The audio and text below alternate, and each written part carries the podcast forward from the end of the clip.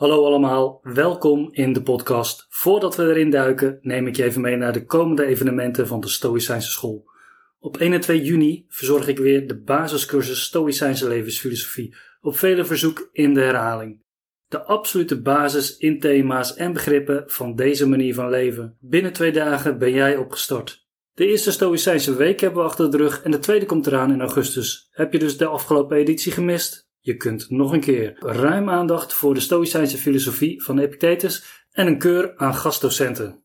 Heb je de basis wel goed zitten en wil je meer naar de verdieping? In september begint aan de ISVW in Leusden een masterclass Seneca. Ook op herhaling, vijf weekenden lang de teksten van Seneca in, beter begrijpen en toepassen in je leven. In de tweede helft van 2024 komen nog veel meer mooie zaken aan, dus houd de evenementenpagina van www.destoïcijnseschool.net in de gaten. En dan nu na deze aflevering.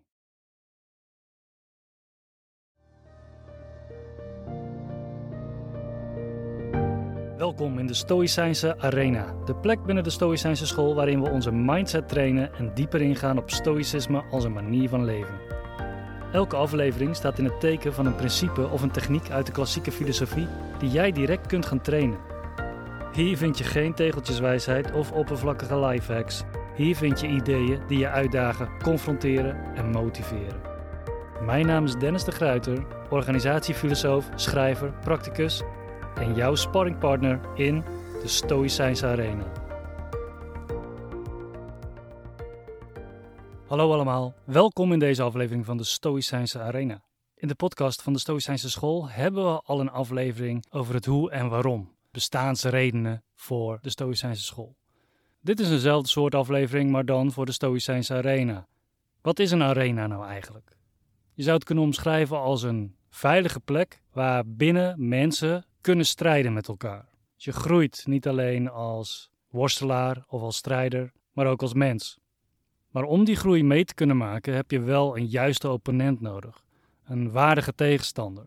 Iemand die door jouw trainer wordt gekozen omdat hij of zij denkt dat die persoon jou precies buiten je comfortzone weet te brengen en jou dus iets kan leren. Zo moeten we ook kijken naar de Stoïcijnse arena.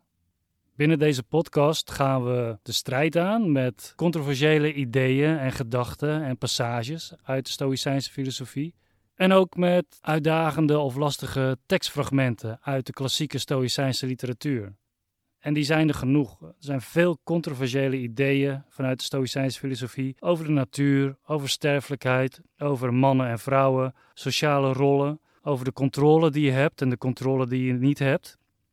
En willen we echt het onderste uit de kan van de Stoïcijnse filosofie halen, dan moeten we ook met die ideeën gaan engageren. Dan moeten we die ook gaan onderzoeken.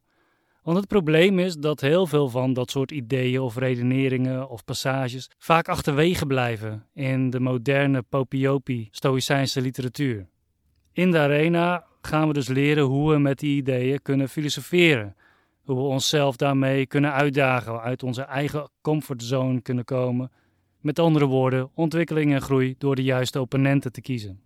En er is ook nog een extra reden waarom dat, dat belangrijk is. Want als je wil gaan committeren of engageren met de Stoïcijnse filosofie, je wilt het in je leven op een meer fundamentele manier gaan toepassen, dan moet je ook weten waarvoor je kiest al die boekjes met citaten en leuke verhalen van sporters en ondernemers die met behulp van filosofische inzichten uiteindelijk verder kwamen, die zijn leuk, maar ze blijven aan de oppervlakte zitten. Ze geven niet helemaal het eerlijke verhaal. Er zitten heel veel clichés in een soort van richtingwijzer, zonder dat duidelijk wordt waar die richtingwijzer nou eigenlijk op gebaseerd is, wat de achterliggende ideeën en argumenten zijn. En als je dus alleen maar met de clichés bezig bent, dan mis je dus wat erachter zit. En dan kan je er ook achter komen op een langere termijn dat je een levensfilosofie aan het beoefenen bent die eigenlijk helemaal niet bij jou past, waar je niet voor wilt kiezen. In mijn lezingen over Stoa vertel ik ook altijd dat ik het belangrijk vind dat je een levensfilosofie ontwikkelt. Dat je richting geeft aan je leven op basis van bepaalde principes. Mijn eigen principes komen uit de Stoïcijnse filosofie. Maar ik heb geen enkel probleem ermee als iemand anders voor een andere levensfilosofie kiest. Voor Taoïsme, Confucianisme, Epicurisme. Op het moment dat dat maar gebeurt op basis van goede kennis van zaken. Dat maakt het ook mogelijk om op een hele goede manier met elkaar in discussie te gaan.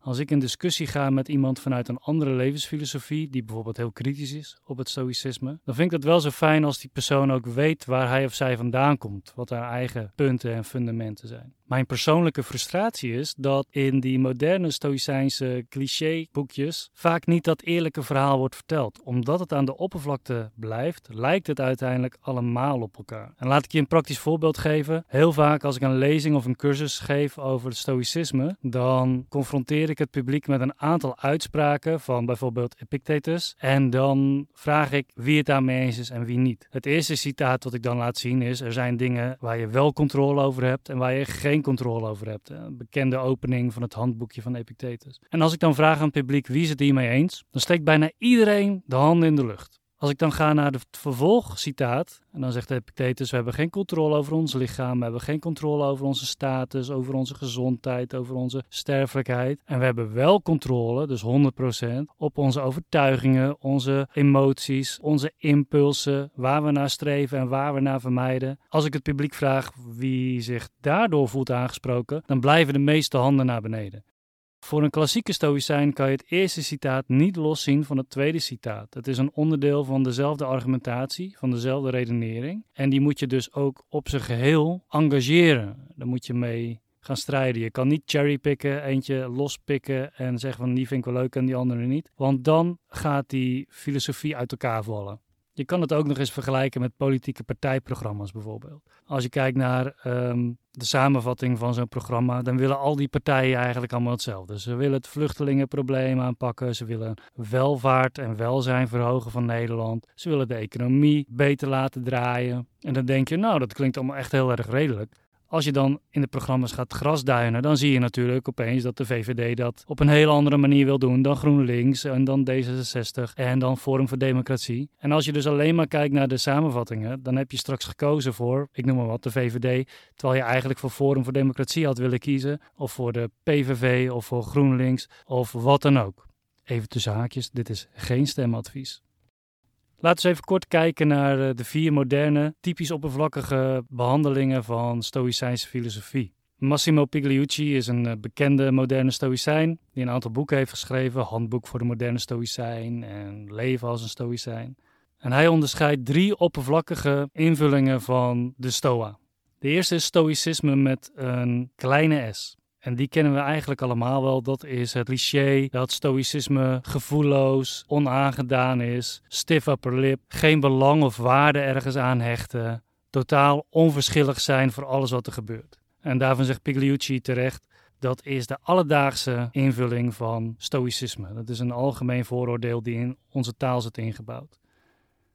Waar wij het over hebben is stoïcisme met een hoofdletter, als een levensfilosofie, als een stroming met bepaalde principes. De tweede is broicisme. Dit is een min of meer Amerikaans fenomeen dat is komen overwaaien, waarin datingcoaches, mannen die andere mannen trainen in het zoveel mogelijk scoren van vrouwen, een beroep doen op stoïcijnse filosofie. Want wil je zoveel mogelijk vrouwen scoren, dan moet je zelf beheerst zijn. Je moet moedig zijn. Je moet wijs zijn. Je moet weten wanneer dat je moet toeslaan en dergelijke. En je moet goed onderscheid maken tussen wat je wel binnen je controle hebt en wat je niet binnen je controle hebt. Terecht zegt Pigliucci: dit is niet het authentieke stoïcisme. Helaas zijn er genoeg van dit soort boekjes waarin stoïcisme wordt gereduceerd door broicisme. De derde die Pigliucci signaleert het stoïcisme met de dollar S. En dit is het stoïcisme wat je ziet in Silicon Valley. De grote ondernemers, de entrepreneurs, de hedge fund managers, die stoïcisme ook weer gebruiken als een soort van instrument om kalm te blijven bij weerstand, rustig te blijven als er tegenslag is en vervolgens daardoor zo succesvol mogelijk te zijn. Wederom, die vorm van stoïcisme kan je alleen maar rechtvaardigen als je cherrypicking doet, als je een paar citaatjes eruit haalt. Maar als je de hele filosofie gaat, is dat echt heel moeilijk te blijven rechtvaardigen. Ik wil er nog een vierde aan toevoegen, nog een oppervlakkige weergave van het stoïcisme.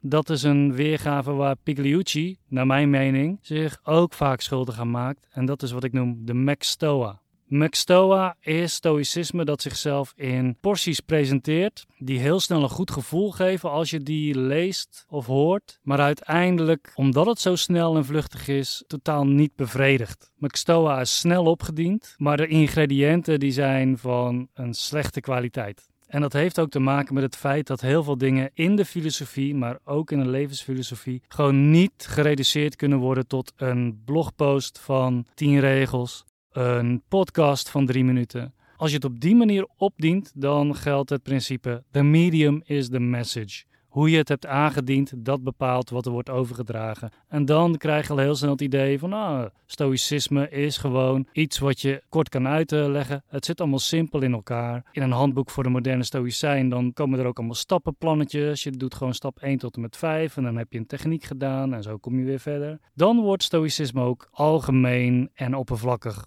En dan komt het neer op lullen om te vullen, maar niet om te voeden. Ik zie stoïcisme liever als een authentieke levensfilosofie. En als het authentiek is, dan denk ik dat het onthult dat het leven gewoon ingewikkeld is. Dat het problematisch is. Dat het bestaat uit keuzes, dilemma's, dingen die je overkomen die je niet wil. Dingen die je niet overkomen, maar die je wel wilt. En daarmee om moeten zien te gaan. Daar een juiste verhouding toe in te nemen. Daar zit geen mooi praterij in.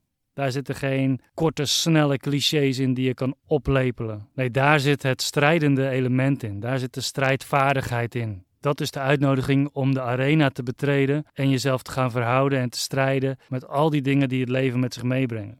De Stoïcijnse levensfilosofie heeft dus eigenlijk meer weg van een sportschool of een dojo of een bokschool.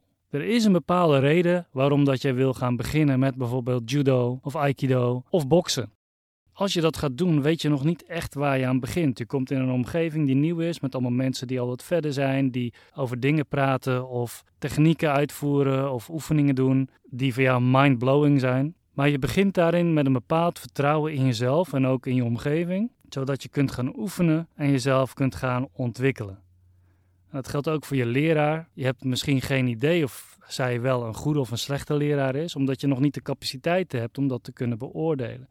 Dus er zit een bepaalde commitment, vertrouwen zit erin. En je moet gewoon maar gaan zien of dat dit gaat werken. Naarmate je jezelf verder ontwikkelt, ga je steeds meer nieuwe mogelijkheden zien. En kun je beter inschatten of dat je vorderingen maakt, hoe ver iemand in jouw bokschool bijvoorbeeld is. En op een gegeven moment ontstaan er nieuwe keuzes. Ga je een andere leraar erbij zoeken? Wil je andere zaken gaan beoefenen? Ga je misschien een overstap maken van judo naar jujutsu, omdat je je techniek en je stijl wil gaan verbeteren? Al die keuzes worden veroorzaakt door het verlangen een betere strijder te worden. En als we het over levensfilosofie hebben, maak je gelijksoortige keuzes omdat je een beter mens wil worden. Maar die keuzes kun je alleen gaan maken op het moment dat je je echt engageert en committeert aan die filosofie. Oké, in de arena willen we ons dus ontwikkelen. We willen de juiste uitdagingen aangaan, we willen uit onze comfortzone gaan. We willen strijden en worstelen met bepaalde ideeën die heel oneigen tijd zijn die misschien ingaan tegen alle ideeën van mensen die om ons heen of ideeën die we zelf hebben ontwikkeld. Maar het overstijgen van jezelf, het overwinnen van jezelf, het tot nieuwe inzichten komen, dat is payoff in een arena. En dan neem je alle pleisters en blauwe plekken op de koop toe. Dus in de Stoïcijnse arena gaan de gewichten aan de halters. Geen bite size, geen drie minuten clichés, geen leuke adviesjes over hoe je je volgende start-up succesvol gaat maken. Nee, dit gaat over jou. Dit gaat over jouw leven, de levens van de mensen om je heen en hoe jij daar een invloed op kan hebben. Er is echt no way dat wij met minder genoegen gaan nemen. En ik zie je bij de volgende aflevering van de Stoïcijnse Arena. Bedankt voor het meedoen aan deze training en voor je steun aan de Stoïcijnse School. Dankzij jou kan ik content blijven leveren. De informatie over de besproken teksten staat in de beschrijving van deze aflevering. Heb je vragen, opmerkingen of verzoeken voor bepaalde principes? Of wil je dat ik een bepaald tekstfragment behandel in de arena? Stuur ze dan naar dennis.destoïcijnseschool.net. Voor nu, blijf trainen en tot de volgende sessie.